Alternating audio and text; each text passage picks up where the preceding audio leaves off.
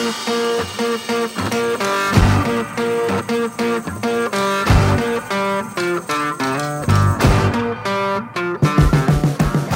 alle sammen, og velkommen til Bakrommet.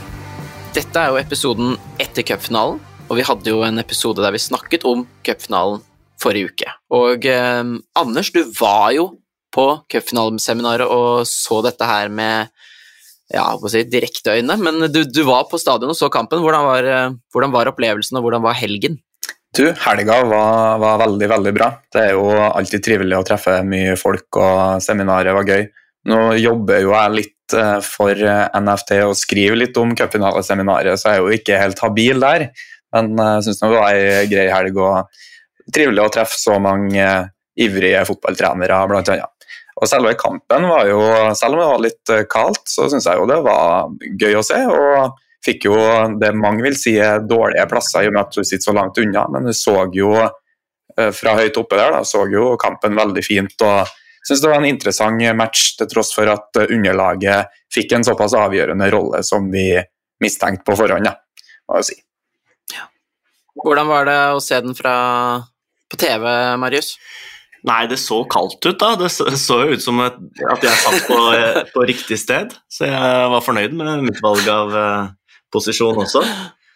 Uh, når det begynte å snø der spesielt, så, så satt jeg og koste meg veldig.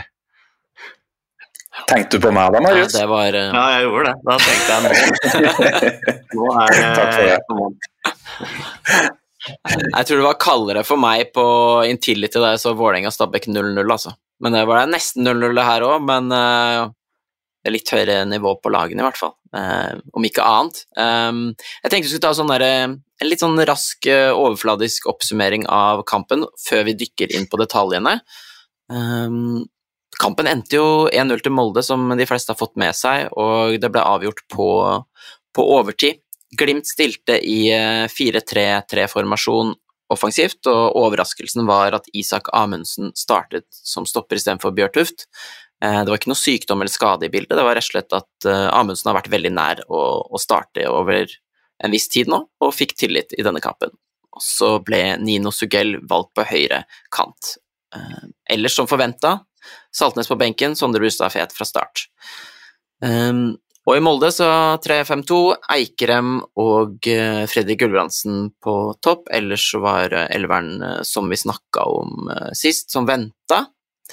Og kampen starter jo egentlig med at begge lag bommer litt med touch og pasninger, så det blir jo småskummelt, rett og slett, foran egen keeper. og ball ut i innkast osv. Så, videre. så det var jo en, en bane som jeg syns Den er nok ikke dårlig, men den, det er jo ikke det som de er vant til å spille på. og Med litt, litt hump og sprett, og litt nerver, ikke minst, så, så ble det litt sånn eh, tilpasning de første minuttene der. Var det, var det sånn det så ut òg, Anders? Fikk du noe inntrykk av banen? Fra, fra tilskuerplass? Ja, den hoppa og spratt litt, og det Bodø-Glimt vanligvis får til på en uh, flott kunstgressbane, det får de jo ikke til i det samme tempoet, så det påvirker jo deres spill eh, i veldig stor grad. Og jeg må innrømme at eh, sånn etter kampen så tenkte jeg litt på det med at man, når kampen er så annerledes enn den forrige matchen på Aker stadion, som jo er Molde sin hjemmebane, og der Bodø-Glimt dominerer ganske eh, ja, altså mye mer enn de gjorde i cupfinalen, i hvert fall. Så sier det litt om forskjellen på gress og kunstgress. Og når nå europeisk toppfotball spilles på gress, så klarer ikke jeg å skjønne hvordan vi fortsatt uh, kan ha så mange kunstgresskamper på øverste nivå. Så det var en sånn overordna tanke jeg fikk når uh, jeg så dere der. For Bodø-Glimt sånn totalt sett sleit jo veldig med å skape noe som helst. Og de er jo et av de bedre lagene i etablert angrepsspill når de spiller på kunstgress. Så om man skal dra det så langt og si at det er nesten to forskjellige idretter, det vet jeg ikke, men eh, det, det er en eh, markant forskjell, altså. Ja, det, sånn det så ut òg. Vi snakka jo om det sist, at det, er kanskje Glimt som blir mest hemmet av, av, det. Eh, I hvert fall også ble det sånn når de hadde klart mest ball, 67% ballbesittelse. Og uh, litt, litt, sånn ut i omgangen så ble det veldig tydelig at uh, Molde ble lave og Glimt ble trillende. Uh, prøvde å skape ting. Skapte ikke veldig mye. Men så kommer det en stor sjanse til Pellegrino etter 18 minutter. Der, det er vel Grønbæk som får et frispark. Igjen, det kunne vært fire gule kort de første 20 minuttene der, og tre til Molde, men det er jo fritt fram første kvarteret, som alle veit om, så da blir det som det blir. Når du først ikke har gitt, ikke har gitt gult kort til, til Molde-spillerne på tre forseelser, der to av de var ganske klare gule kort etter min mening, så kan du nesten ikke gi til Glimt på neste heller. Så da blir det litt sånn miste kontroll på det, etter min mening. Men eh, ja, det blir kynisk spill å stoppe kontringer uten å bli straffa for det. Men det trenger vi ikke å snakke så mye mer om.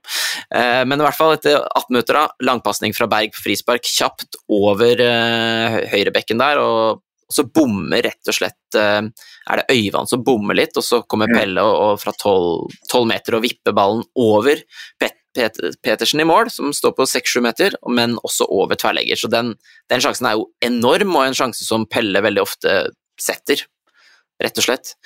Um, og etter det så er det Glimt som styrer, men de sliter med å skape veldig, veldig mye. Um, man ser at eh, Jeg ser i hvert fall at Ellingsen, som vi snakka om sist, går opp i midtbaneleddet veldig ofte når Molde har ballen etablert, så de spiller med sånn dobbel sekser med Kaasa og Ellingsen, og to stoppere.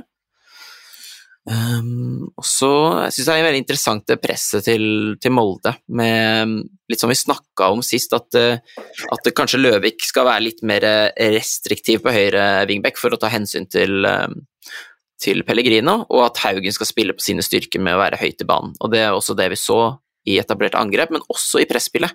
For da opplevde jeg at det var Kristoffer Haugen var ofte oppe og pressa Wembangomo, mens Løvik nesten alltid ble værende på Pelle, og det, da ble Christian Eriksen som høyre indreløper som skulle ut på Wembangomo. Men um, igjen, det var som vi snakka om, det er bekkene som får plass til å motta ball, som Anders snakka om sist. og Flest pasninger i Glimt det var stopperne som hadde, eh, men det er jo også veldig vanlig når man har mye ball og et lag ligger lavt og kompakt. Mm. Um, ja, og i pausen så er det jo Morten Kalvenes, som nå, nå har signert for Red Diamonds i Japan, skal ha assistent til Høgmo. Han prater litt med NRK i pausen og, og melder at de ønsker å få kobla på kantene oftere istedenfor bekkene, altså hoppe over en linje. Eh, så det vil jeg gjerne høre litt fra dere om eh, etterpå, om eh, det var noe dere så at Glimt fikk til i andre omgang. Og så er det det kjipeste som skjer i fotball, nesten. Det er stygge skader. 56. minutt, Breivik brekker leggbeinet. Og han har vært, etter min mening, Moldes beste spiller de to siste sesongene, hvis man ser det over ett. Topp tre spiller i Molde begge de to siste sesongene, og den største salgsvaren deres med tanke på alder og potensial også. Så den, den, den er vond, eh, og verst for han, selvfølgelig. Da kommer Hagelskjær inn, som er en venstrebeint stopper, og da legger de om litt med å putte han ned som venstrestopper og Ellingsen opp i midtbaneleddet. Og da opplever jeg at, uh, at eh, Molde bygger opp igjen med 3-2-struktur istedenfor 2-2. Uh, får høre litt hva dere tenker om det etterpå. Så blir Ellingsen og Kaasa litt dype, og Eriksen får gå høyere i banen. 64. minutt, stor sjanse til Mombagna, der han kunne bare hoppe over ballen, og så hadde Sugell hatt eh, helt fritt skudd uten at det var noen mulighet for å bli blokka der. Men uh, Mombagna igjen har ikke helt oversikt over hva som skjer rundt seg, og det, det, det så vi også i, uh, i ekstraomgangene i andre omgang her. Etter 73 minutter så er det litt sånn som vanlig at Eikrem skal ut rundt da, sammen med Løvik, og Berisha og Linnes inn. Vi snakka jo om sist, eller jeg snakka om det med Linnes, at han er tilbake og kommer til å få en rolle. Trodde kanskje til og med han skulle få starte, men det ble, det ble et innhopp, og Løvik leverte egentlig en veldig bra, solid kamp der mot Pellegrino, syns jeg. Og så kommer Sugelli og, uh, og, Fet ut for Gulliksen og Saltnes, uh, og så er det en um, situasjon, da, 89. minutt, når det blir mål, hvor um, Isak Amundsen som venstrestopper tar med seg ballen fram, prøver å spille Bjørkan, når han på venstre bekk. Eh, og så har rett og slett Grønbæk gått ganske høyt i banen i den eh, ja, halfspace venstre, og har eh, Haugan veldig tett på seg. Får allikevel ball, prøver å vende. Haugan får tak i ballen, eh, tar med seg ball framover, ønsker å starte en kontring, og utnytter det at ah, Isak Amundsen allerede er litt høyt i banen etter uh, avleveringa til Bjørkan. Slår i bakrom, Berisha vinner den. Innlegg mot bakre stolpe, det er Kristoffer Haugen som alltid dundrer på. Prøver å skyte på volley, treffer litt dårlig, treffer høyt på ballen. Har spredt i bakken, og så spretter han over Brede Mo.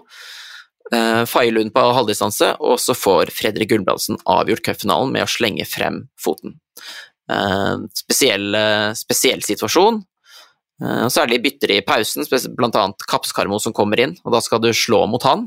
Eh, Marius eh, fortalte jo litt om hvordan han har opplevd å spille mot Oskar Kapskarmo de siste to sesongene i andre og tredjedivisjon. divisjon. og det er en bjørn, altså. Fytti katta for et, for et beist. Eh, og man ser jo da den store situasjonen som mange snak, snak, snakker om, er jo da en langpasning fra Beredemo, der Haugan river ned Kapskarmo uten å få straffe. Og um, ja, og da ender det 1-0 til Molde, da.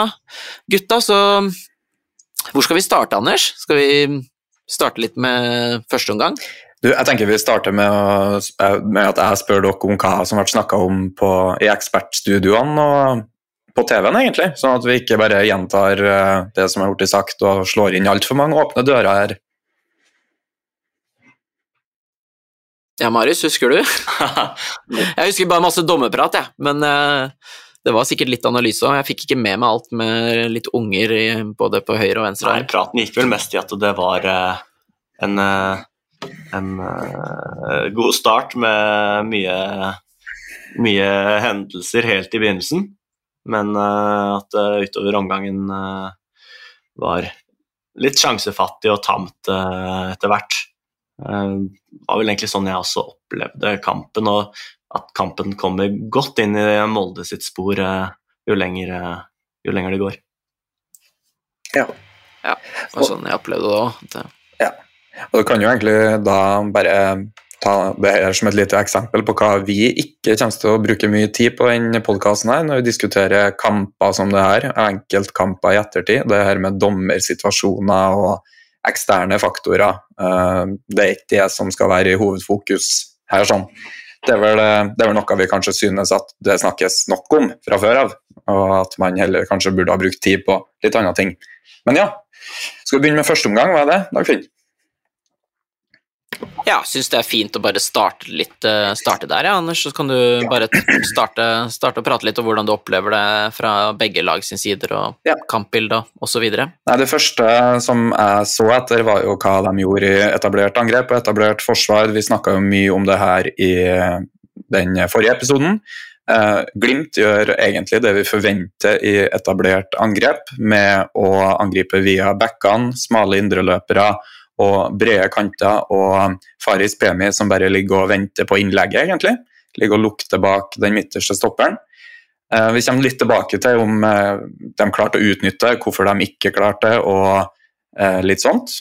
Og så i etablert forsvar så er vel der at Glimt kanskje skuffer meg mest da, i første omgang.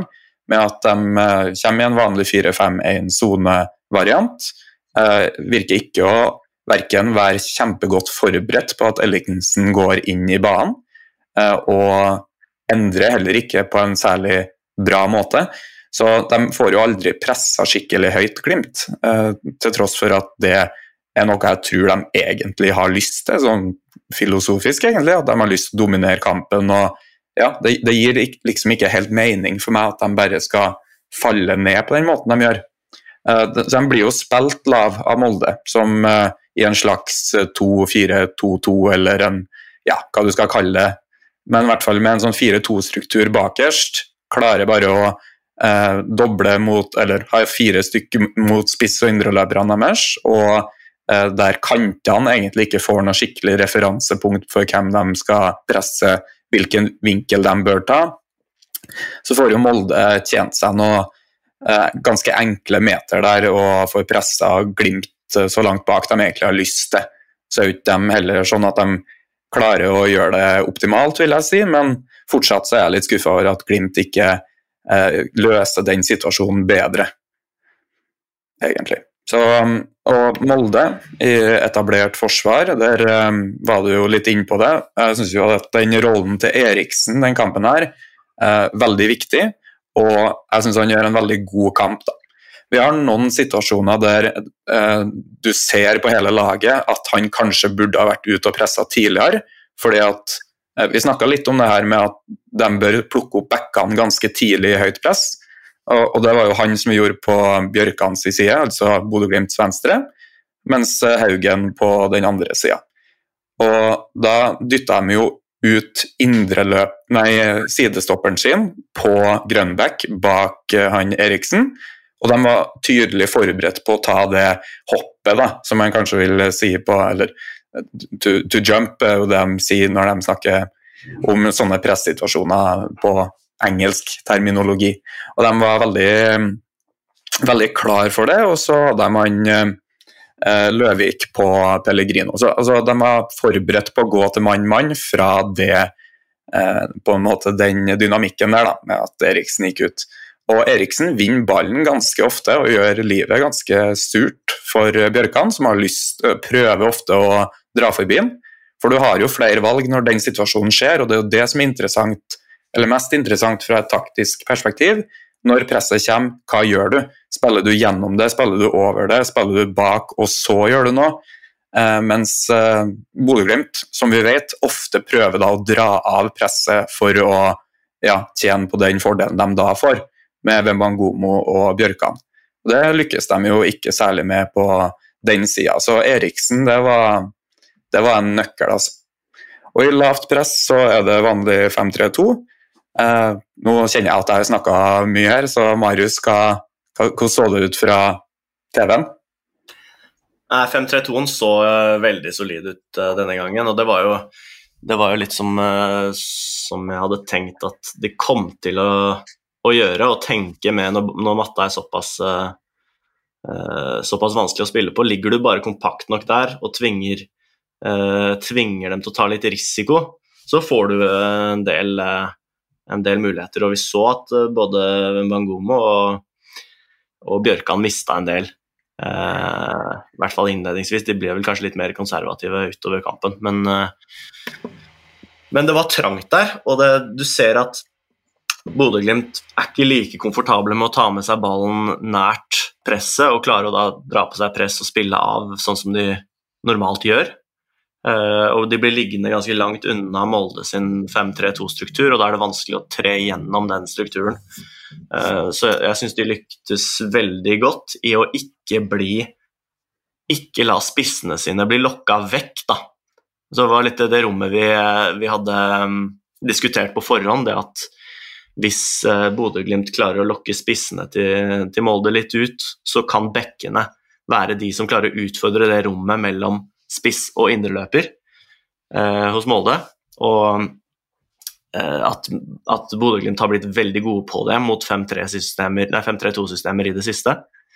Men da denne faktoren som du nevner i starten, da, med at gresset er som det er, eh, det gjør at du trenger enda litt mer rom for at det skal gå, eh, for at det ikke skal bli for risky.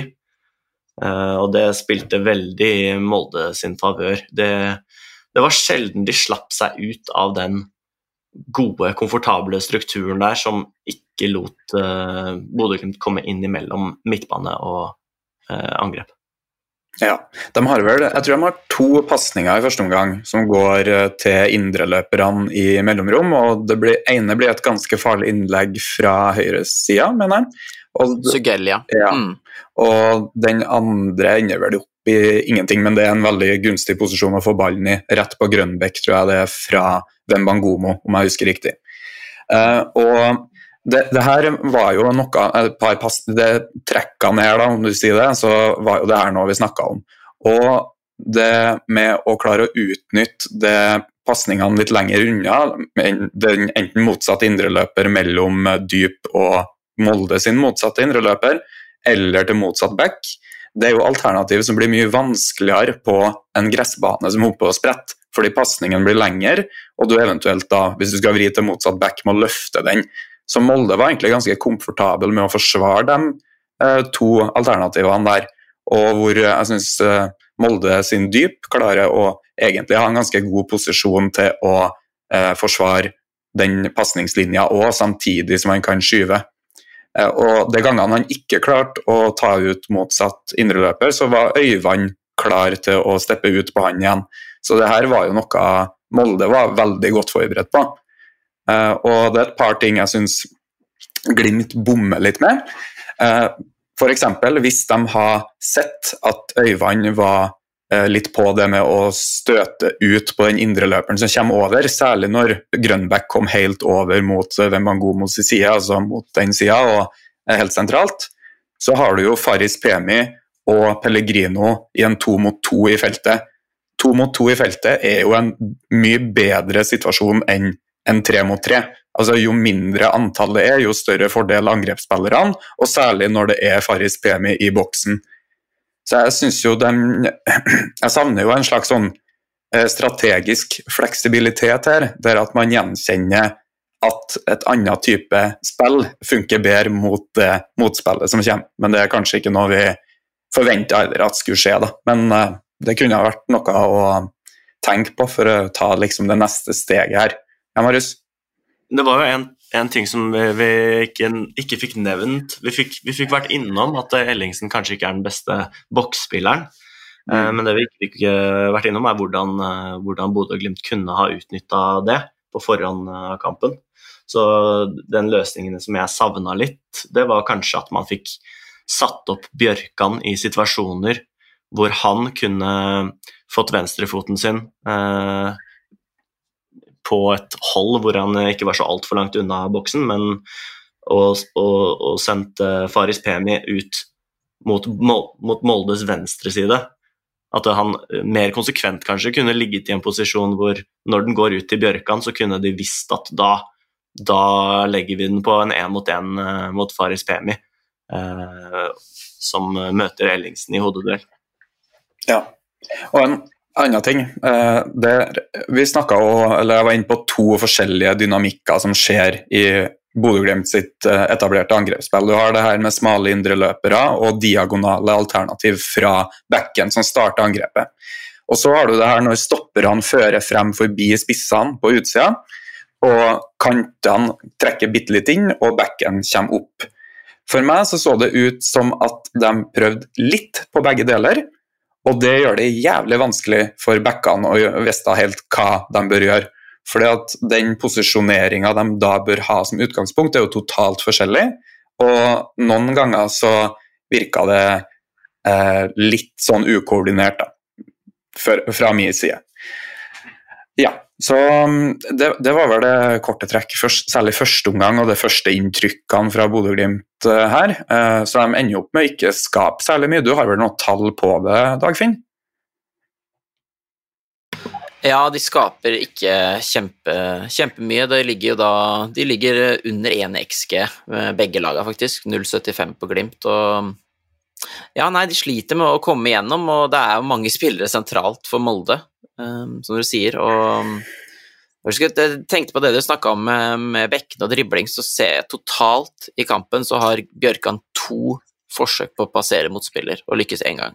Det er nok ganske godt under gjennomsnittet for han, mens Wembangomo eh, jeg vet ikke om jeg skal si mer, mo, mer modig, men han forsøkte oftere. Da. Han hadde tre forsøk, eh, seks ganger og klarte det tre. Der så du at han klarte å komme seg forbi litt oftere, mens som du snakka om, Anders, så har Eriksen ganske god kontroll på Bjørkan. Selv om han ofte har litt avstand til han, så, så spretter ballen litt, og så rekker han å komme på en måte om han kommer oppi eller ikke. Han ligger i hvert fall og stenger de farlige pasningsmulighetene. sånn at det, om, om, Glimt så får ballen ut på bekk, så er det liksom ikke en veldig farlig situasjon. For de klarer ikke å altså, uh, komme seg videre derfra.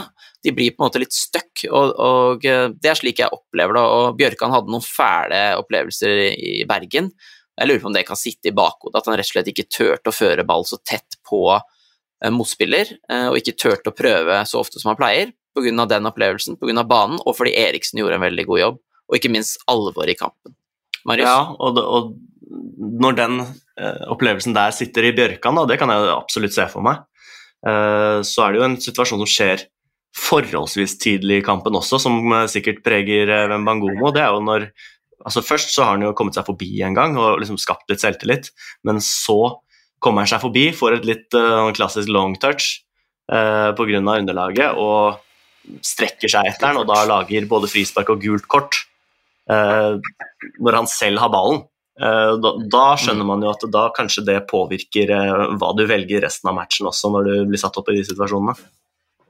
Godt poeng. Mm. Jeg syns det er et godt poeng. Og... Men det var veldig tydelig at det, det Bembangomo liksom prøvde prøvde oftere å bare dure på, og det er jo sånn vi har sett det i hele år. Han har liksom ikke Hva er det de sier i basket? Han har liksom ikke korttidshukommelsen til å liksom slutte å prøve, selv om man mislykkes noen ganger, og det synes jeg er utrolig fascinerende og kult. Og så, og så er det jo vanskeligere på gress, altså de er vant til eh, smooth underlag, eh, sånn at det, det, blir en annen setting, og det blir mye lettere for Molde å dekke bredden med tre spillere på midtbanen slash fire når Haugen da er oppe. Så ser man jo at i lavt press at eh, Molde klarer å ligge, ligge jo ganske ofte med alle fem nede, og da får jo Molde Glimt egentlig ganske stort overtall hvis hvis sidestopperne til Molde bare blir liggende nede, så er det jo fem mot tre, da har du to mann ekstra resten av banen, men Glimt klarer liksom ikke å få til nok. og Det, er jo sikkert pga. god organisering fra Molde òg, men jeg er også skuff, jeg er skuffa uh, over, over, Glimt uh, der, og, og, jeg opplever ofte at Kjetil Knutsen gjør veldig gode justeringer i pausen, men jeg, jeg klarer ikke helt å se at de får til noen sånne store endringer inn i andre omgang som gjør det noe bedre. Nei, eh, og der ender vi vel med at Grønbæk spiller en del bredere i andre omgang. Og etter mitt syn så blir det egentlig bare verre for Glimt i andre, eh, der de har enda dårligere forutsetninger. Eh, det er litt sånn, Hvis man tenker på hva som kunne vært gjort, så avhenger jo litt av hva Knutsen vil prøve på. Om man vil prøve å overloade ei side, som kan være ganske effektivt mot 5-3-2, eller om man vil fortsette med det her med å kombinere og så vende spill. Eh, som jo er en stor del av Glimt sitt etablerte angrepsspill. Men eh, Mulig jeg har sagt det før òg, men mot 5-3-2 så er det veldig eh, vanskelig å vende en motstander i stykker. Altså. I og med at du hele tida har tre spillere, potensielt fire, med midtstopperen klar til å forsvare det som skjer på motsatt side. Eh, og du kan egentlig bare falle litt lavere mot mål, og så retter du opp situasjonen på samme måte eh, om de får vridd òg. Så jeg syns jo de lager en litt for Hvis det var det som var planen, så ville jeg kanskje ha vurdert eh, det med å lage en mer sånn permanent trebacksstruktur for å komme rundt spissene litt enklere. Og fortsatt Patrick Berg i dypet og eh, seks eh, lengre frem, da. Så at man får okkupert kanalene mellom de fem i bakre ledd til Molde. Det er jo en ting Guardiola ofte har gjort mot fembacksrekka. Jeg tror jo at, uh, at, det blir gjort litt sånne småtaktiske justeringer, men at kanskje denne matchen her så måtte det vært gjort litt mer uh, strategiske justeringer og endringer på hvordan man uh, ikke, ikke, hvordan man kommer seg frem med samme midler som tidligere, bare i litt annen struktur, men kanskje heller eh, rent strategisk hvor er det farligere å angripe når Molde legger seg såpass lavt som det det ble utover kampen da, og i andre omgang. De ligger jo i 5-3-2 på 30 meter eh, til tider, eh, og det kunne blitt straffa mye mer hvis du, hvis du hadde utnytta det faktum at du har én pasning på å nå rett inn i boksen. Um, det er klart at De har sikkert ikke trent så mye på det, og det er jo plan B. Uh, men er det noen gang du skal bruke plan B, så er det jo kanskje når uh, du spiller en cupfinale på humpete gress i desember. Uh, og ja, Dagfinn? Nei, jeg bare kommer veldig tilbake til det du snakka om sist, Marius, og at Molde er et mer fleksibelt lag enn Glimt. Og um, de kan jo noen ganger trekke Berg en stykke ned, men de gjør veldig sjelden sånn store strukturelle endringer, som å frispille med tre, f.eks., sånn som Anders foreslo, for å komme forbi eh, spissene på siden der og skape kanskje et dilemma for indreløperne etter hvert. Men det er ikke noe som Glimt pleier å gjøre. De pleier å gjøre uh, justeringer innenfor en ganske sånn stram struktur. Så kan de gjøre endringer sånn som vi har sett med smalere indreløpere og, og, og endringer i presspill, om man presser 4-1-4-1 eller 4-3-3 med tre smale eh, to smale ledd på topp der. Så det er jo, det er jo den fleksibiliteten som jeg føler Molde har. Liksom. Du ser med det byttet med Hagelskjær, så bare flytter de Ellingsen opp, og så ligger han litt som indreløper, og så er han litt dyp, og så plutselig er Kaasa litt ut til høyre. Det funker utrolig bra, og de kan bytte Altså det å spille med f.eks. med Berisha og, og eh, og uh, hjelp meg, Gulbrandsen er jo noe helt annet enn å ha Eikrem der oppe, mm. men de klarer å tilpasse seg. Så det er Jeg syns igjen Molde gjør veldig takler situasjonen og baneforholdet best. Fordi at, som vi snakka om sist, så var det jo Så snakka Anders om det med å, at motsatt indreløper kanskje eh, på Glimt dro indreløperen til Molde veldig langt over, sånn at man kunne vende på motsatt bekk og så storme framover. Men det vendingsspillet ble ikke veldig effektivt, fordi det brukte for lang tid på å komme over til motsatt bekk. Og ja, og kanskje pga. banen, kanskje pga. situasjonen, jeg vet ikke. Hva, hva, tenker du, Anders? Jo, og jeg tror det med at den motsatte indreløperen kom jo ikke like langt over som han tidligvis har vært nødt til heller, bl.a. pga. at Øyvand tok over uh, ofte. Også det med at uh, ja, kanskje de bare har sagt det, ikke overskyv. Uh, for det, det, er et problem i 5-3-2 noen gang, som jeg har opplevd sjøl òg, at motsatt indreløper følger sin dyp som han ville ha gjort i, i et vanlig soneforsvar. Da. Og da kan det hende at du noen gang overskyver og havner helt over på andre halvdelen av banen. Og da er det vanskeligere å forsvare spillvending igjen eh, når den kommer. Så ja, det er flere, flere, grunner til det, på en måte. Ja, og jeg tenker eh, også det vi snakka om sist, med hvor viktig det var å få Kaasa inn og ha Eriksen, Kaasa, Breivik der med den som kan flytte beina på den måten. Og jeg også ble veldig Jeg vet jo hvordan Christian Eriksen er, han kan løpe mye, men han klarer å håndtere den situasjonen og dekke sentralt, men samtidig ikke gi for mye spillerom til Bjørkan og for gode situasjoner. Så det var ja, Han løste den rollen utrolig bra. Eh, jeg syns også det var veldig sjelden at de eh, at de eh, indreløperne gjør det trekket hvor de tør å komme inn i framrommet. Da, hvor de tør å hvor de kan uh, komme ned og hjelpe Patrick Berg litt nærmere ball. Uh, utfordre uh, midtbanen til Molde på å skulle følge de løpene, istedenfor at Øyvand fikk, fikk lov til å, til å, bli med iblant. for å skape det overtallet som kunne, og korte avstandene som kunne gjort at de klarer å tre seg, tre seg gjennom der. Mm. Men når vi etterlyser vel han Kappskarmo tidligere også, gjør vi ikke det?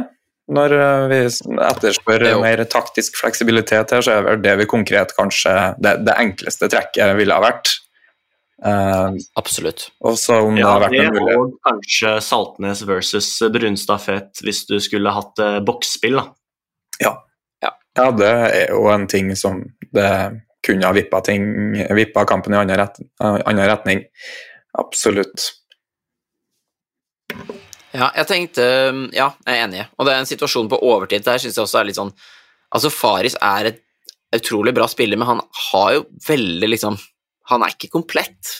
For å si sånn, Det er et råmateriale som Glimt har begynt å jobbe med. Han var ikke noen god avslutter før han kom til Glimt, nå er han en ålreit avslutter.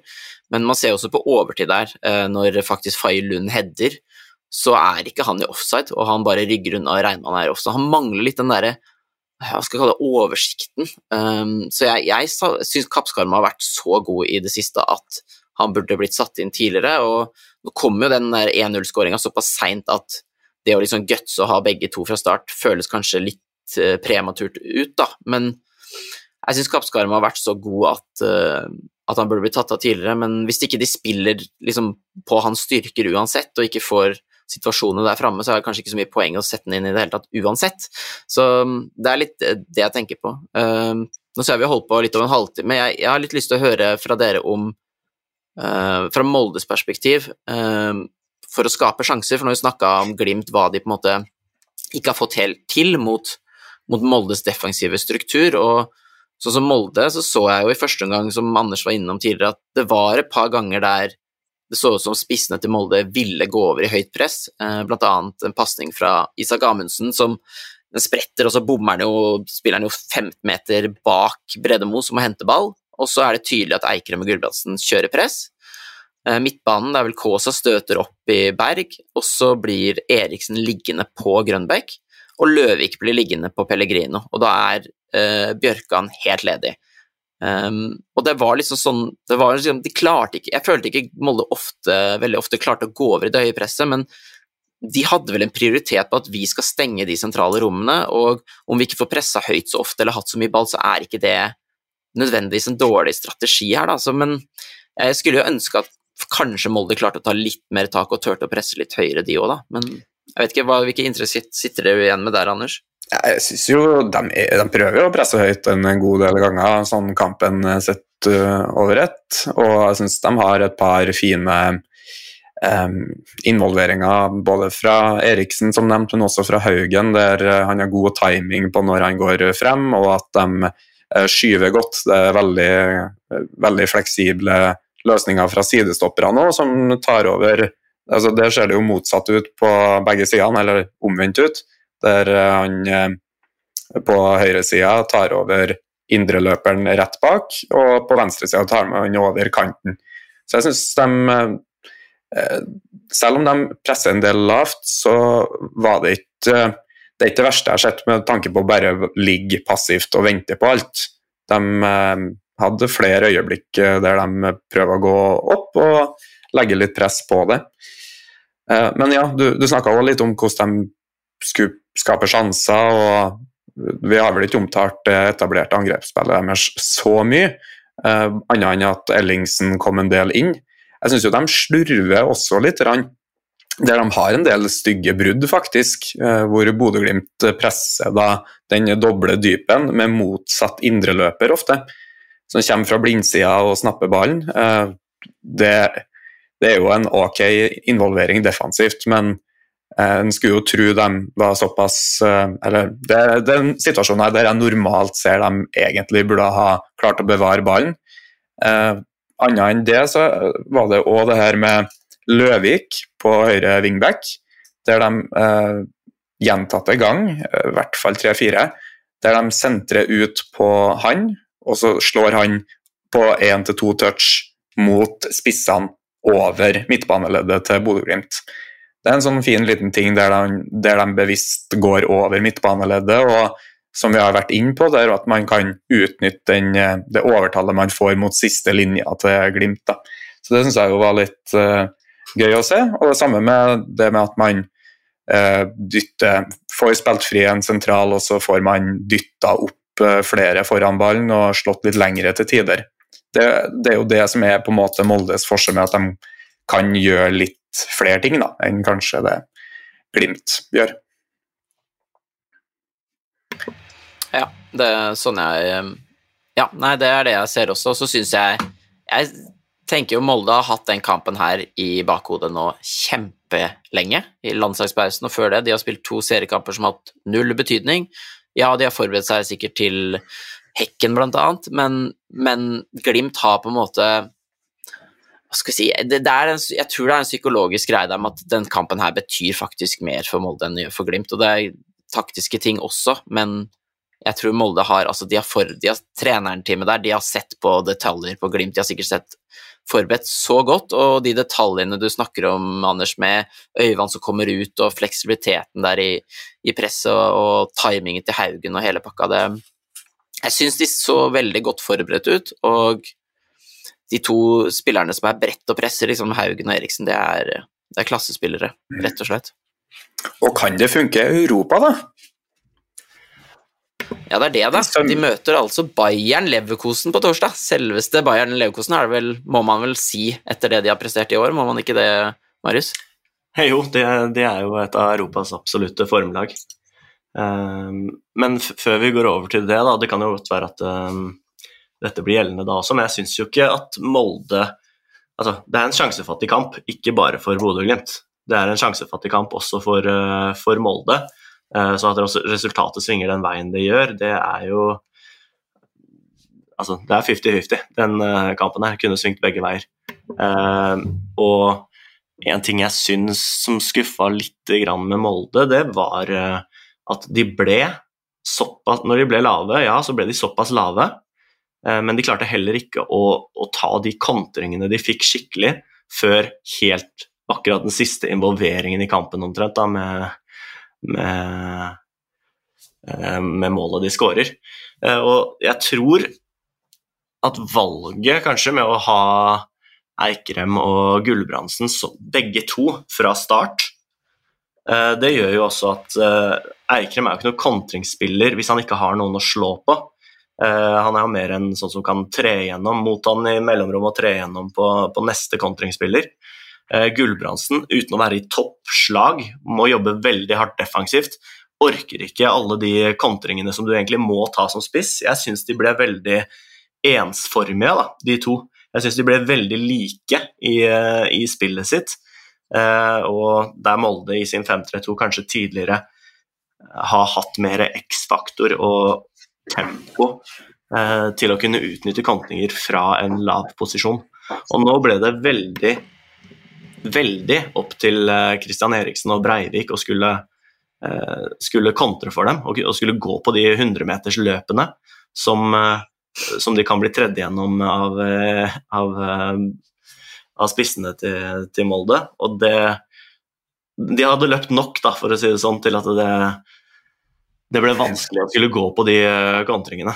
Men det, det, som er fint å se til slutt, er jo at, den, at det er wingbacken eh, som, eh, som, avgjør det i en kontring, og at Gulbrandsen i, siste, i sitt siste forsøk omtrent eh, jukser litt i forsvarsspillet sitt og kan gå inn bak, bak motstanderne.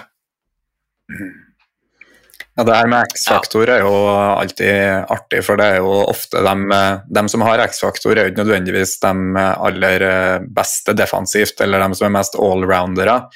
Eh, det er jo derfor det kanskje heter X-faktor òg, men eh, sånn som Glimt stiller jo da med Faris Bemi og Pellegrino, som absolutt er den X-faktor-typen. Så det er jo hele tida vurdering av hvor mye av det skal du ha, og hvor mye trenger du. Og jeg jeg syns jo de Glimt, eh, som du Dagfinn har vært inne på, har egentlig blitt dårligere defensivt med, med tida, da. Ja, jeg syns det, det.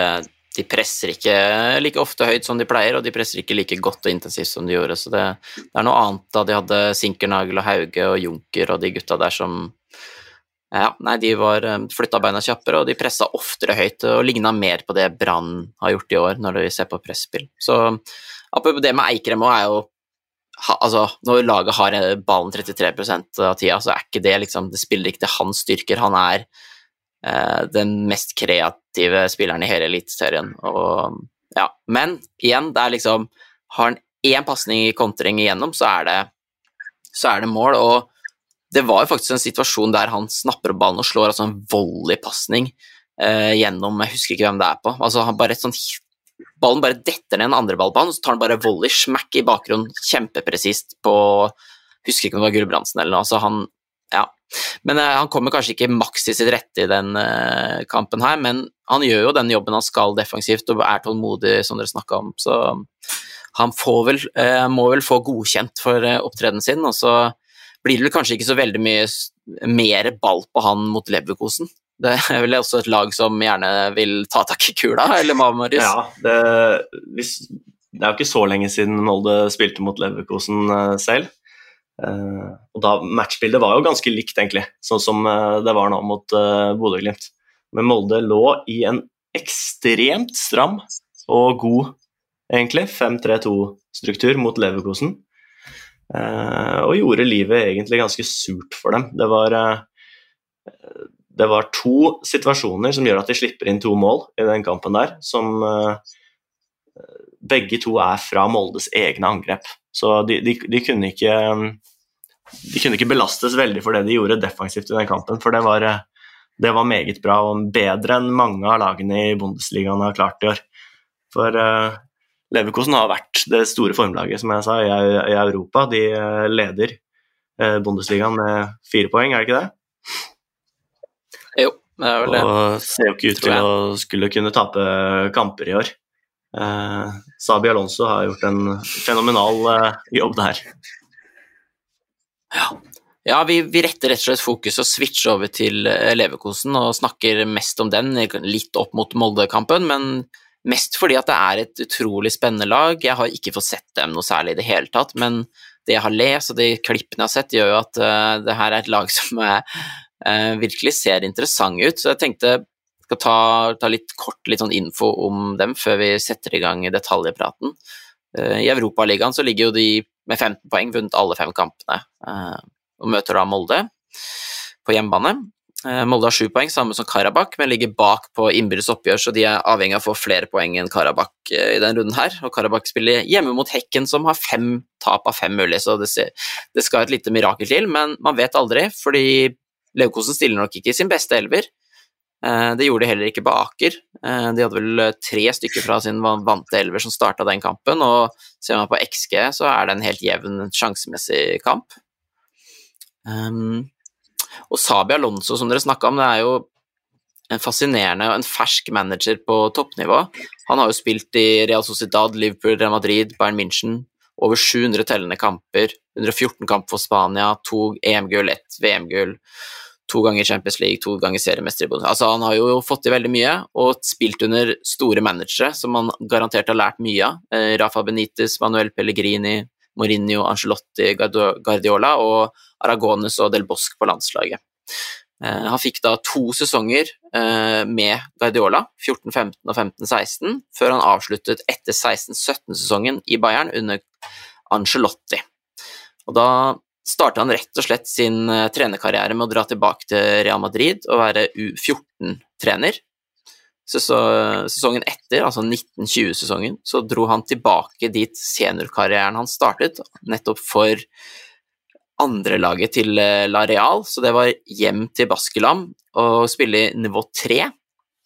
Så var han der i tre sesonger, rykka opp sesong to, rykka ned i sesong tre, og så ble han presentert i 2022, 2. oktober, for Bayern München som ny trener.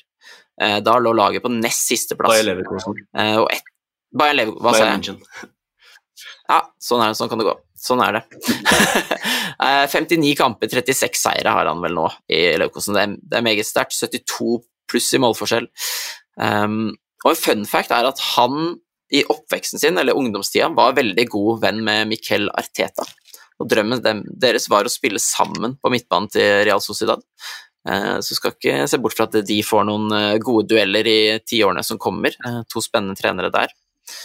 Lagoppstillinga kan vi komme litt tilbake når vi begynner å snakke, om, snakke opp spillere, og så har jeg litt tall og sånn som jeg kan skyte inn når det, når det passer. Men det, en, det, laget han har spilt i nå, er en veldig klar elver, som har spilt startet nesten alt, i hvert fall av de viktige kampene. Og Alonso holder spillerne på banen lenge.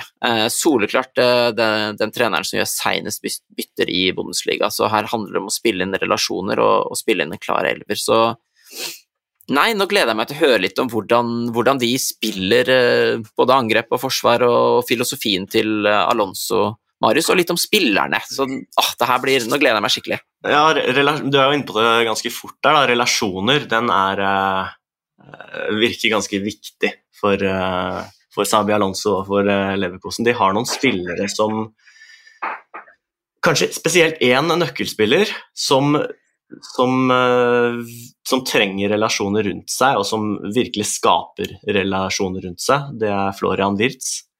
Det er en uh, utrolig spennende spiller. Litt sånn annerledes enn en flere midtbanespillere nå om dagen. Han spiller i tier-posisjon. De spiller jo da en, i angrep som regel en uh, 3-4-3 eller en 3-4-2-1, hvor de da har to tiere i, i systemet sitt. Eh, og Florian Witz er da en av de. Eh, og ja, det som er spesielt bemerkelsesverdig med han, det er at det virkelig ser ut som han har øynene i nakken, og han, eh, han, han er litt sånn Iniesta-aktig, føles det ut for meg. ikke liksom den store dribleren, ikke liksom den store avslutteren, men teknisk, nærteknisk veldig, veldig god. Veldig bra forståelse for de bevegelsene som skjer rundt ham. Veldig presis i det han gjør, eh, og tar som regel gode valg. Det, det virker som om alt han gjør, er korrekt i, uh, i småspill og bevegelser, og posisjonering. Uh, det å kikke over skulderen og, og, vite eksakt hva som skjer bak han, Det, det ser ut som alt han gjør, er korrekt. Eh, men han også spiller en del på, på relasjoner, da, og det, det, trengs i uh, måten som Sabi Alonso spiller på. Og så har han jo noen spillere rundt seg, på midtbanen bl.a. Chaka, Granit Chaka. som er veldig god på å finne han.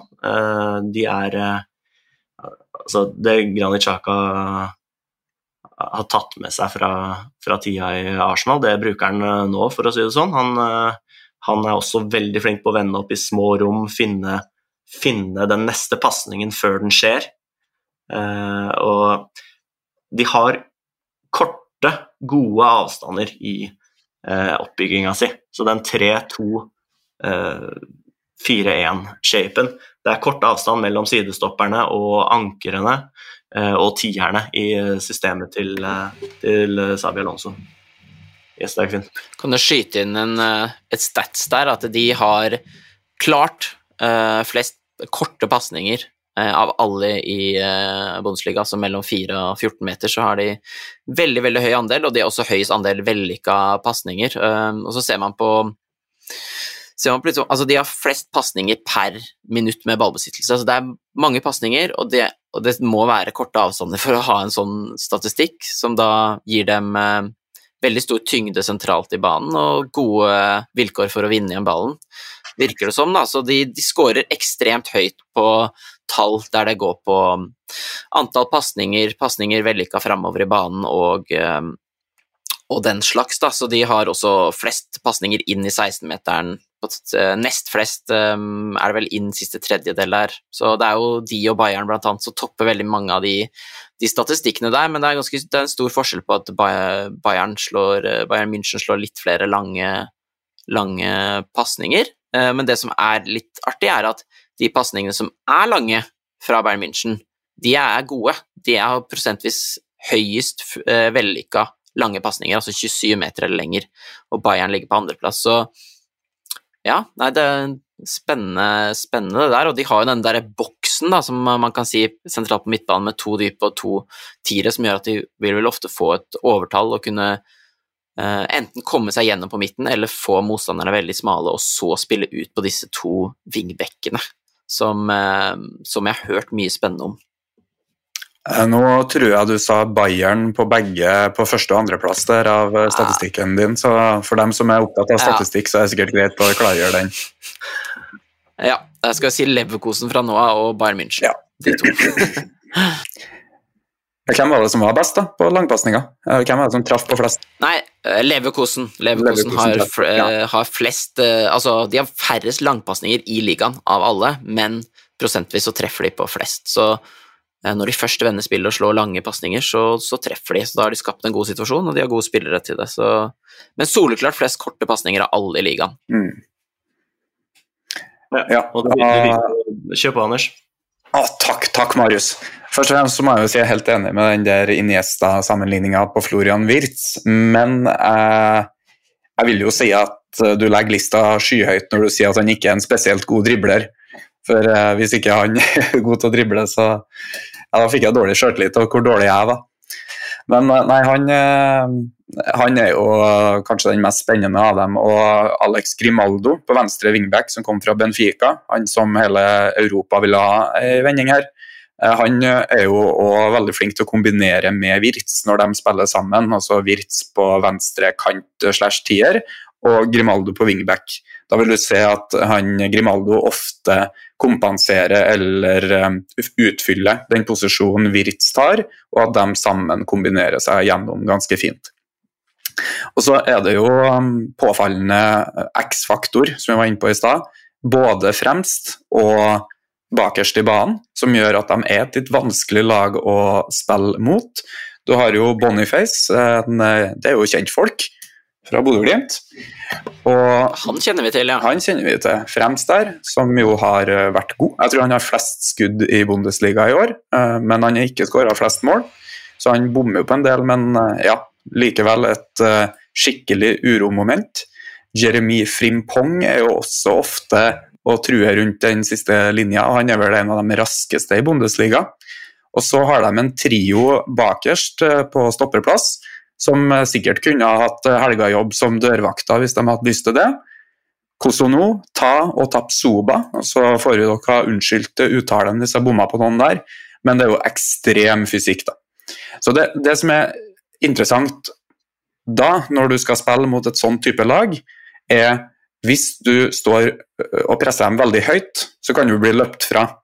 Hvis du velger å presse veldig lavt og mislykkes bitte litt, som gjør at du får en del dødballer imot, så har de i hvert fall fire tungvektere i boksen der som de, Ja, det kan bli skummelt, da.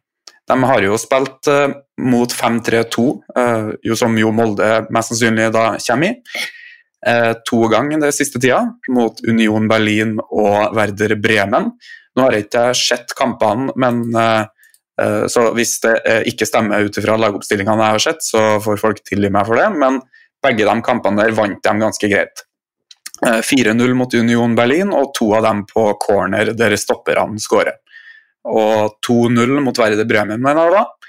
Og da har de vel 15-1 eller 15-2 i avslutninga, gjennom statistikken er riktig. Så det, det, er litt sånn artig taktisk spørsmål du får her, for uansett så har de strenger å spille på. Uh, selv om de kanskje ikke så særlig potent ut mot Molde på Aker. Jeg hadde jo gleda meg veldig til å se uh, hvordan de hadde løst Molde sin 5-3-2 eh, med sitt sterkeste lag. Det hadde vært veldig, veldig gøy å få sett med, med egne øyne eh, live nå på torsdag. Men sånn blir det jo mest sannsynlig ikke. De er, eh, de er ferdig med å kvalifisere seg videre. Det er lite som tilsier at de skal stille med sitt aller sterkeste lag. Og mot Molde sist, med da sju av startelverspillerne ute av eh, elveren, så, så, ser man at ja, relasjonene de er viktige for, eh, for uh, Sabi Alonsos mannskap. Og ikke bare relasjonene, men det er klart, den elveren som spiller der, den er, den er individuelt sterk. Det er, det er, gode spillere i veldig mange av posisjonene i den elveren der. Um, du nevner jo spesielt også da uh, Grimaldo, som wingback på venstre og Frimpong som wingback på høyre, det er, det er ikke helt typiske wingback-typer. Du har uh, han høyre-wingbacken som da er eh, veldig, veldig rask. Altså den, den uh, akselerasjonen han har og én-mot-én-egenskapene han har, de er ekstreme. Og så har du på andre sida en, en, god relasjonsspiller med en veldig, veldig god fot han skårer på frispark både titt og ofte med en ekstrem teknikk. Og så er han god til å rotere seg inn i mellomrommet også, da. så han kan, han kan la Florian Wirtz legge seg ut på sida mens han legger seg inn i mellomrommet. Det er heller ikke noe problem. Og da får du skapt den dynamikken hvor du har en høyrefot ute på sida og, en, og en venstrefot i, i half space som, som også kan løpe inn i bakrom. Dette syns jeg er veldig interessant, fordi vi snakka jo en del om wingback-rollen når vi, når vi snakka om Tromsø i første episode, og for så vidt også Molde forrige episode. og Når jeg ser på tallene, så ser jeg at uh, Leverkosen slår veldig få innlegg. sånn uh, Det blir mer cutbacks, eller altså, de kommer nærmere mål og slår pasninger, eller holder ballen i laget for å få skape en større mulighet. Um, og så er det, er, det, er det, åtte mål Grimaldo har skåra, så han har jo vært veldig effektiv, men han har vel nest flest skåringer bak Boniface. Og så, hvordan kan man liksom For det her syns jeg er et veldig interessant tema. Hvordan bruker man wingbackene i et sånn treback-system, når man sammenligner det litt opp mot ja, sammenligner litt opp mot Tromsø og Molde, som vi faktisk har snakka om de siste to sendingene? Jeg syns jo disse wingbackene er eh, mye mer eh, sånn småflate spillere, da. Og det er en stor forskjell. Eh, ofte wingbacker i et tradisjonelt eh, wingback-system, det er storflate spillere. Spillere som uh, kan dra med seg og kanskje løpe forbi motstanderen sin på en 10-15 meters uh, duell.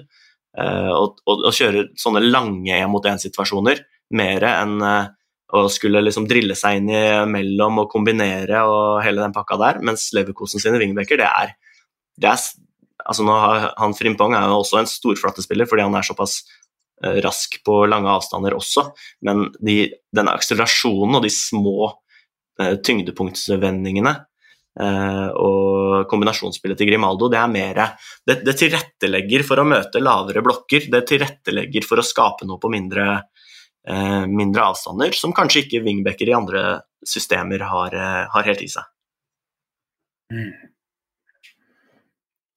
Ja, og vi kan vel si for dem, Ja, som, eh, Fortsett, for dem som ikke har eh, sett noe som helst av Leverkusen, det kan jo også hende at eh, det, det er jo et lag som prøver å dominere i alle spillets faser og hele kampen. Det, det sier jo seg egentlig selv når de har så mange pasninger og sånn at man har lyktes også med det.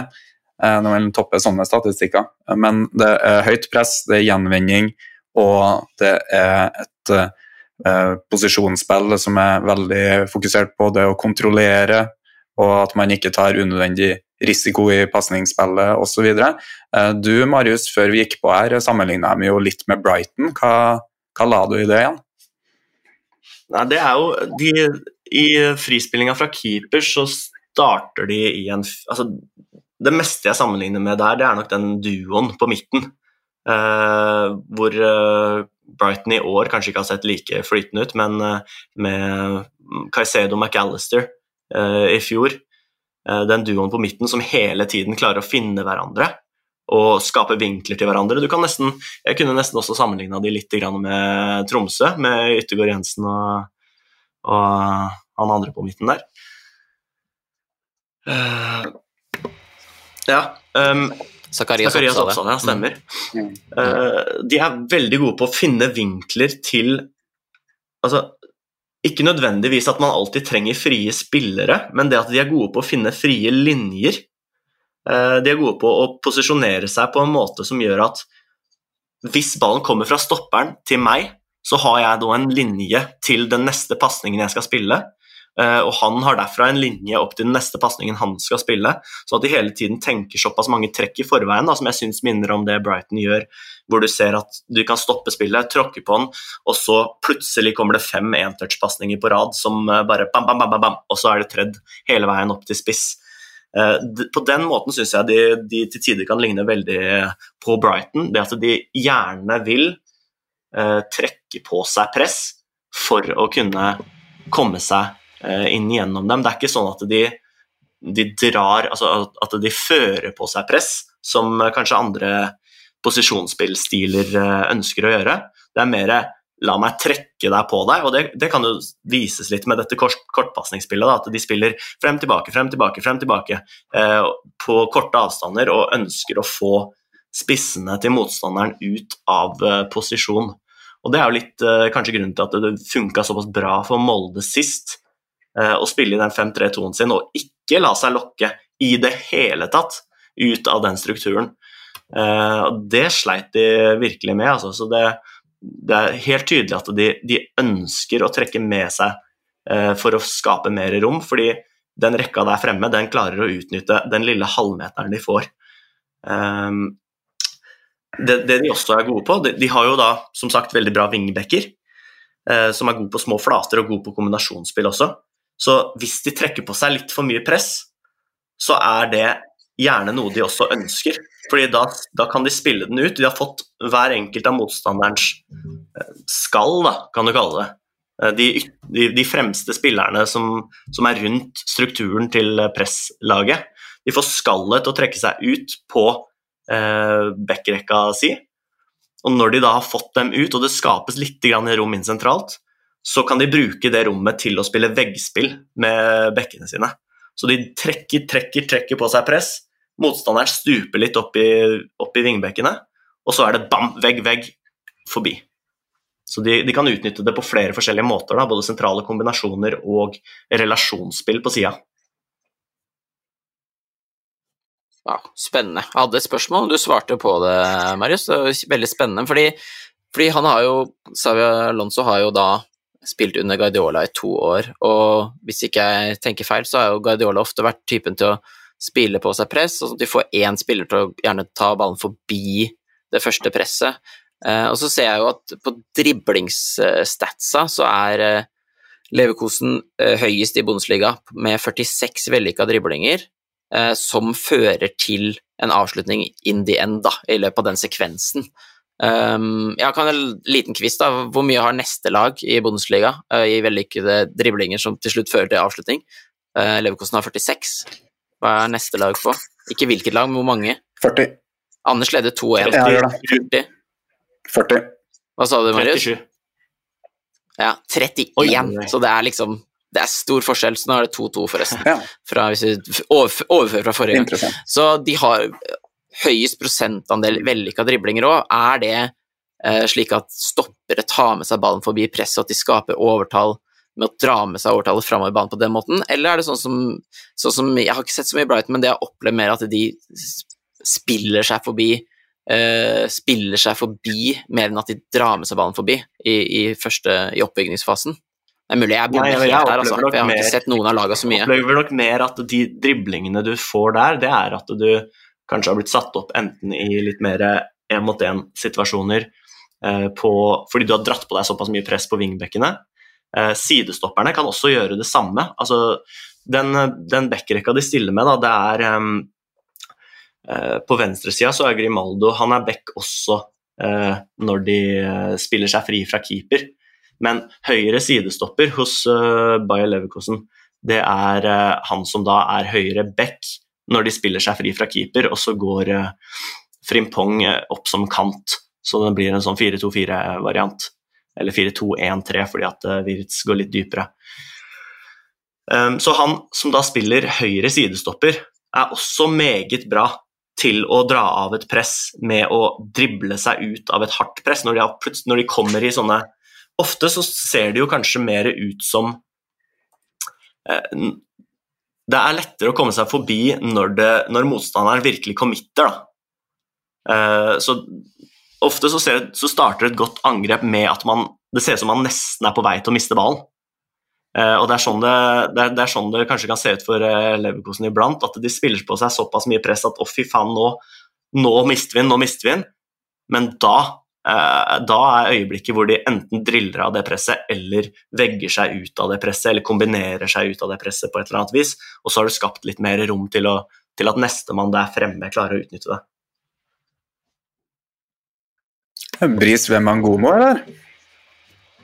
Absolutt. Han, ja, kan, han kan være noe for uh, Leverkosen på sikt, han. Det kan, det. ja, de spilte jo firebacksrekke for øvrig i forrige match, Leverkusen. Så um, Mm. det er jo de, verdt de å forsvarer seg gjerne i 4-4-2 også, så det er ikke sånn Ja. at de er satt. De er ganske fleksible i, i akkurat sånn de presser. Ja. Nå har ikke jeg Ja, det, hvordan, pre hvordan presser de? Det vil jeg gjerne høre litt mer om. Uh, at jeg avbryter, Anders. Uh, nå har vi snakka litt med, om hvordan de, hvordan de er strukturert i angrepsspillet, hvordan de bruker vingbekkene. og, og de er vel ganske hissige på gjenvinning, da, vil jeg tro. Ja. Men uh, ja, jeg lurer veldig på hvordan hvordan er de med Presser de ofte høyt? Eh, hvordan presser de? Hvordan ligger de når, eventuelt når det er lavt, hvis de ligger lavt i det hele tatt? For det virker jo sånn Når jeg ser på statsa nå, så virker det som om nesten alt spill er på motstanders halvdel. Ja, Jeg kan svare på det, ja. Um, det Ja, de, de presser ofte høyt. Det de gjør da, de, de, deres utgangsshape er jo da en 5-4-1 når de ligger lavt, som regel. Um, men så har de da en sånn hybridposisjon på høyre tieren deres. Så hans, han som spiller høyre tier, han kan da gå opp i stopper, uh, og så kan um, høyre wingback, som da er Frimpong, gå opp i back, sånn at det da blir seende ut som en 4-4-2. Uh, litt avhengig av hvordan motstanderen så klart spiller, um, og hvordan, uh, hvordan midtbanemarkeringene da ser ut. Men de er ikke redd for å, for å ligge i et uh, lavere press, og det er jo Sabi Alonso uh, Han har ikke bare tatt inspirasjonen sin fra Pep. Han, uh, man ser at han er en ganske fleksibel type som, som ser ut til å ha tatt inspirasjon fra, fra flere av de trenerne som han har hatt i sin oppvekst.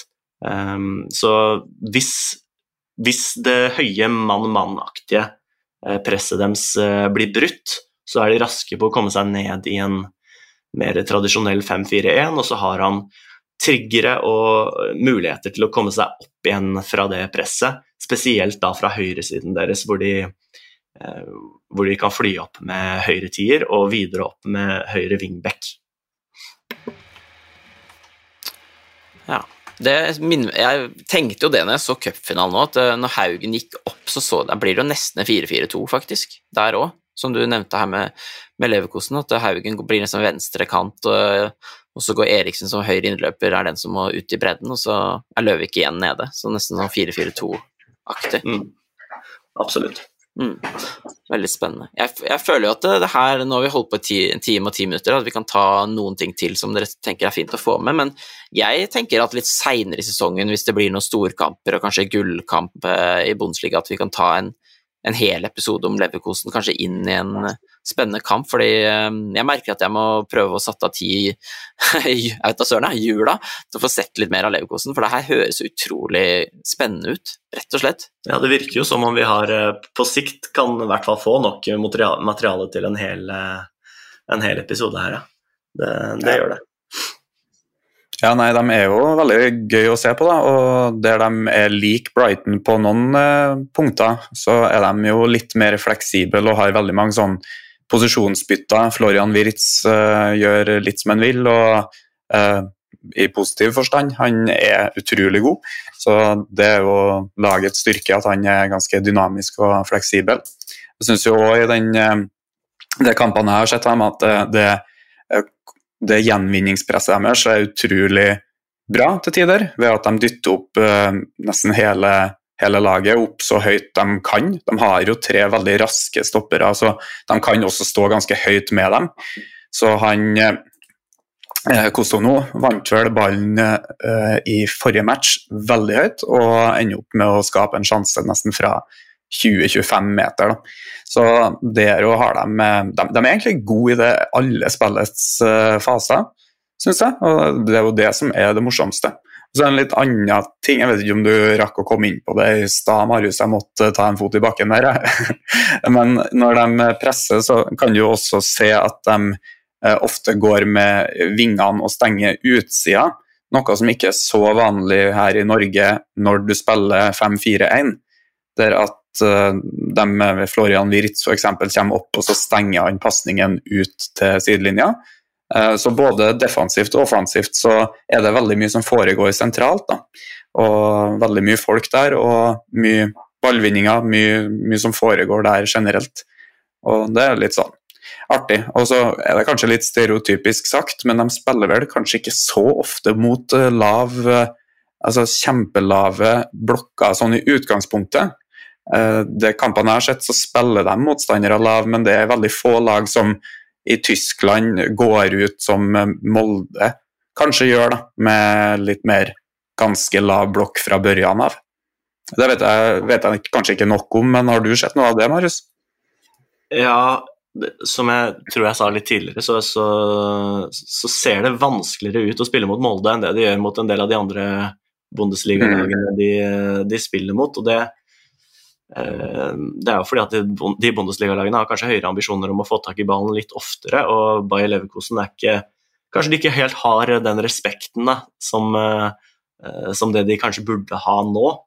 Eh, at motstandere går ut med litt sånn naivitet fordi det her, ja, dette er et blaff. Leverkosen er ikke så bra. og at de tjener litt på det, fordi de er også mye bedre i rom og mye bedre i å i å kunne eh, har sett opp litt sånne veggspill hvor det er rom bak dem til å, til å, til å utnytte.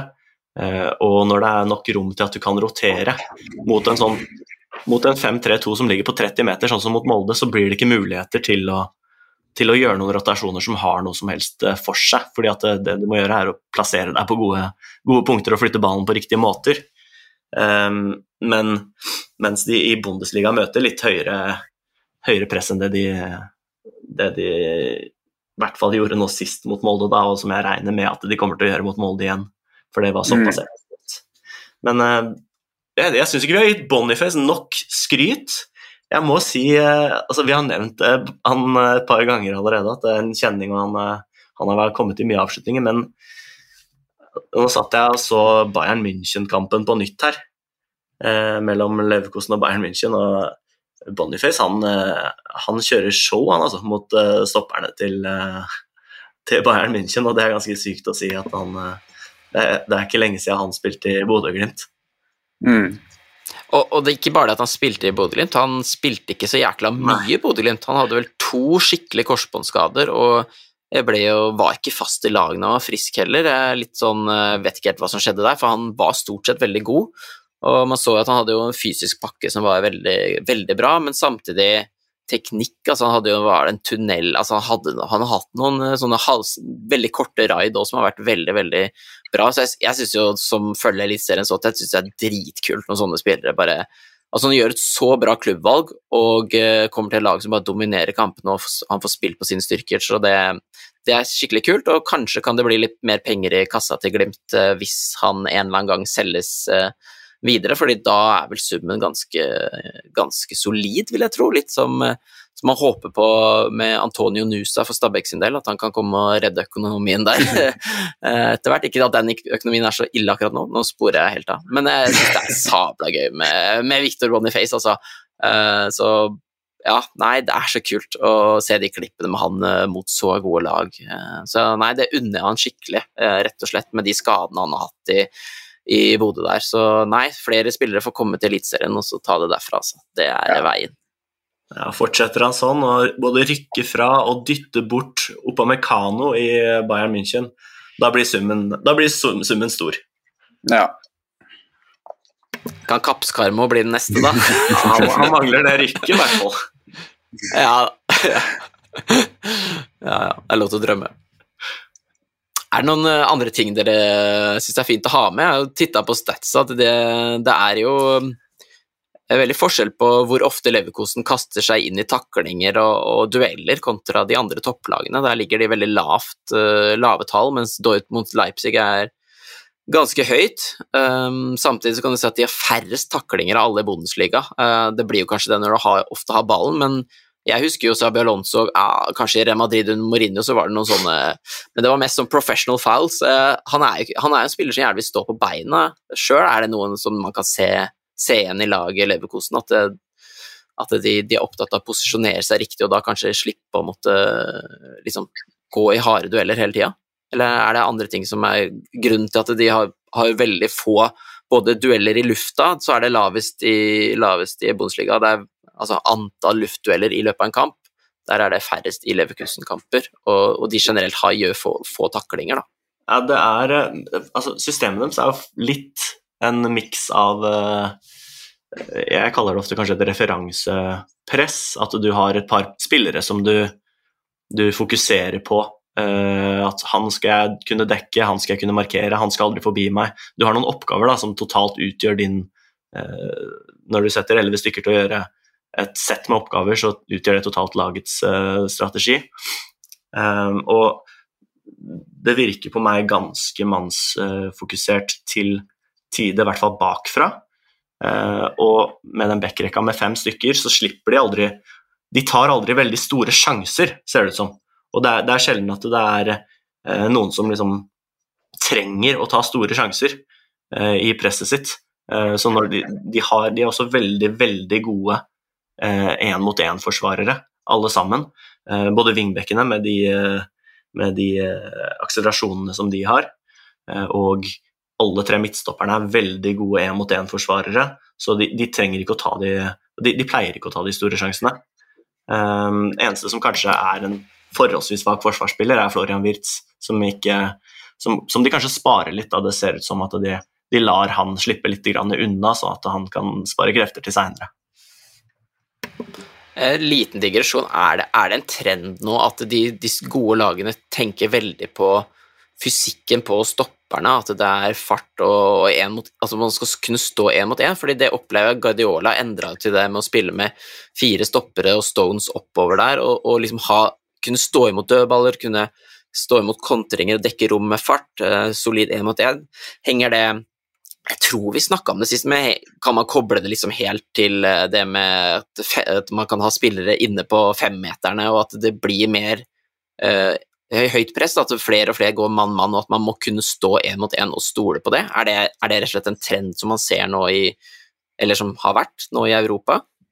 Ja, det vil jeg si. Og det er en eh, Det er logisk òg, egentlig, i og med at man det er situasjoner man får der på topp. Altså, har du en eh, overlegen midtstopper, så er det nesten ufarlig å stå høyt, på en måte. Altså, sånn, den kvalitative eh, forskjellen på spillerne der har så mye å si når den lange kommer, kontra i veldig mange andre settinger der du kan sette opp sikring osv. osv.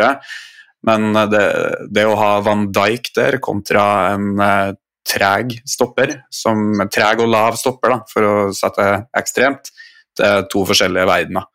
Og um, stopperen har jo som regel noen meter eh, fordel fra før av og kan angripe ballen fremover eh, og skal den veien når han angriper fremover. Eh, så det å ha fysisk gode stoppere, det blir nok bare mer og mer essensielt for veldig mange lag. Og så er det også sånn at hvis du ender opp med å være lav nå, altså vi har vært litt inn på det i Eliteserien nå, med at laget har blitt så gode i etablert angrepsspill at på sikt tipper jeg det vil lønne seg å uh, være flink til å ta initiativet i kampen. Da. Og det er jo for så vidt en artig utvikling for sporten.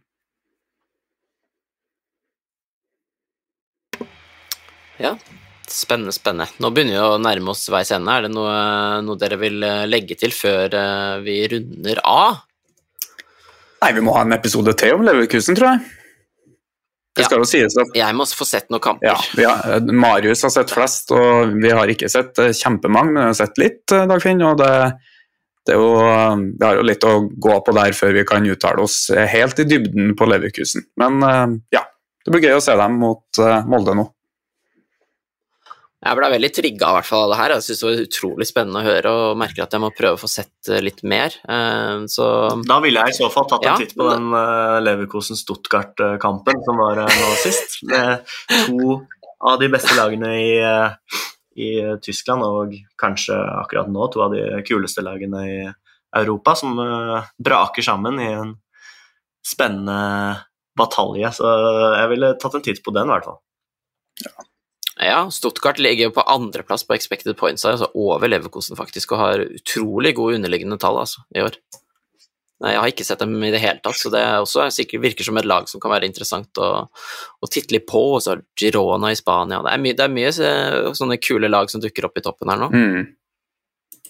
Så blir det vel også å oppfordre folk til å se på Molde-Leverkosen, og også ja. kanskje Glimt mot eh, Klubb Brygge. To to kamper å få med seg til uka her nå. Ja, og Glimt må vinne med to mål eller mer for å vinne gruppa. Eh, og hvis de da ikke gjør det, så kommer de på andreplass i gruppa og må spille playoff eh, for eh, sluttspillet i Conference League. Det er litt regnestykke, det der. Men både Molde og Glimt skal spille kamper på nyåret, i hvert fall, så, i Europa, så det gleder vi oss til. Og så tenker jeg, jeg har veldig lyst til å avslutte med å bare takke alle som har hørt på nå de første tre episodene. Vi har fått noen veldig fine tilbakemeldinger og syns det er utrolig hyggelig.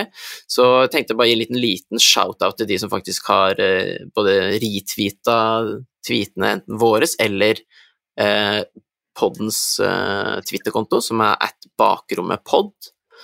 Eh, og det er blant annet Johan og Peder Sjøbakk Lund, Tobias Sto Storuste Dale, Stian Rød Bø Oi sann, nå går det stokk i jord her. Stian Bø, Olav Øverli, Morten Killingberg, Amund Lutnes, Andreas Kalland Grannes, Amin Askar, Frank Rocher, Magnus Leo Leonardsen, Jarle Toften, Christian Andersen, Ingebrigt Skålerud, Kenneth Sunde, Oskar Nilsen og Vegard Tørseth. Så takk til dere, at dere deler uh, vår pod til andre. Det setter vi veldig pris på. Det er jo utrolig verdifullt for, nå, for oss nå i etableringsfasen av den podkasten her, å liksom få komme litt ut, og så får folk gi det en sjanse og finne ut om det er noe de vil høre videre på eller ikke. Så veldig glad for det, og vi fikk jo også en, eh, et kommentar nå på Twitter i går, en innspill på, på noe av det vi snakka om i Tromspodden, gjorde vi ikke det, jo, Anders?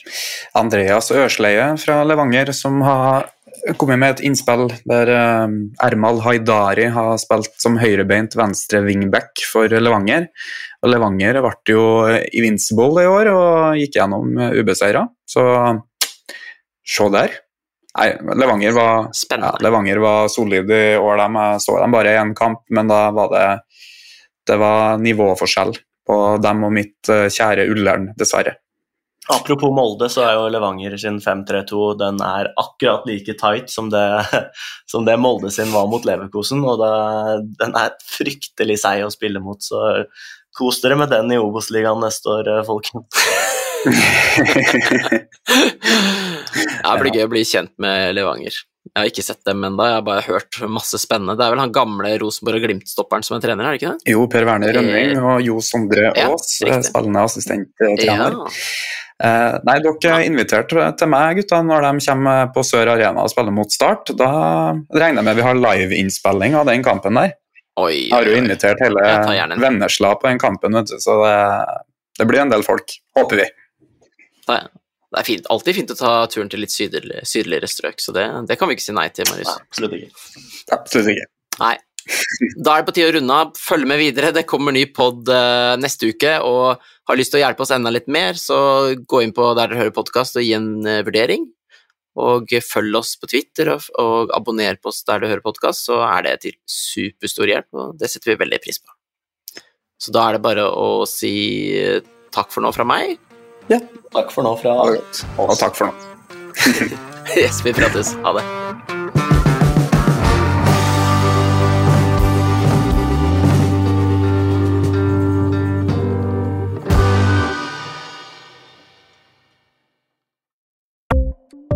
Ukens annonsør er HelloFresh. HelloFresh er verdens ledende matkasseleverandør og kan være redningen i en travel hverdag. Mange av oss har nok vandret i butikken både sultne og uten en plan for middagen, som ender med at vi går for de samme kjedelige rettene gang på gang. Middag burde være dagens høydepunkt. Som HelloFresh kan du nå velge mellom 25 ulike retter hver eneste uke, eller få HelloFresh til å sette sammen menyen for deg. Dette gir deg muligheten til å prøve nye og spennende retter alene eller sammen med familien. Du velger antall porsjoner og får alt levert på døren på et tidspunkt som passer for deg. Oppskriftene er enkle, og maten er lett å lage både for store og for små. Ved å få alt levert hjem får du også mer tid til å dele matgleden med familie og venner. Kanskje det frister med asiatiske tacos eller greskinspirert kylling? Da kan jeg anbefale deg om å gå inn på hellofresh.no. Her kan du bruke koden FOTBALL og få opptil 1779 kroner i rabatt på de første fem matkastene hvis du ikke har prøvd HelloFresh tidligere. Du kan også bruke rabatten hvis du har vært kunde og stoppet abonnementet ditt for tolv måneder siden eller lengre. Gå inn på hellofresh.no og bruk koden FOTBALL.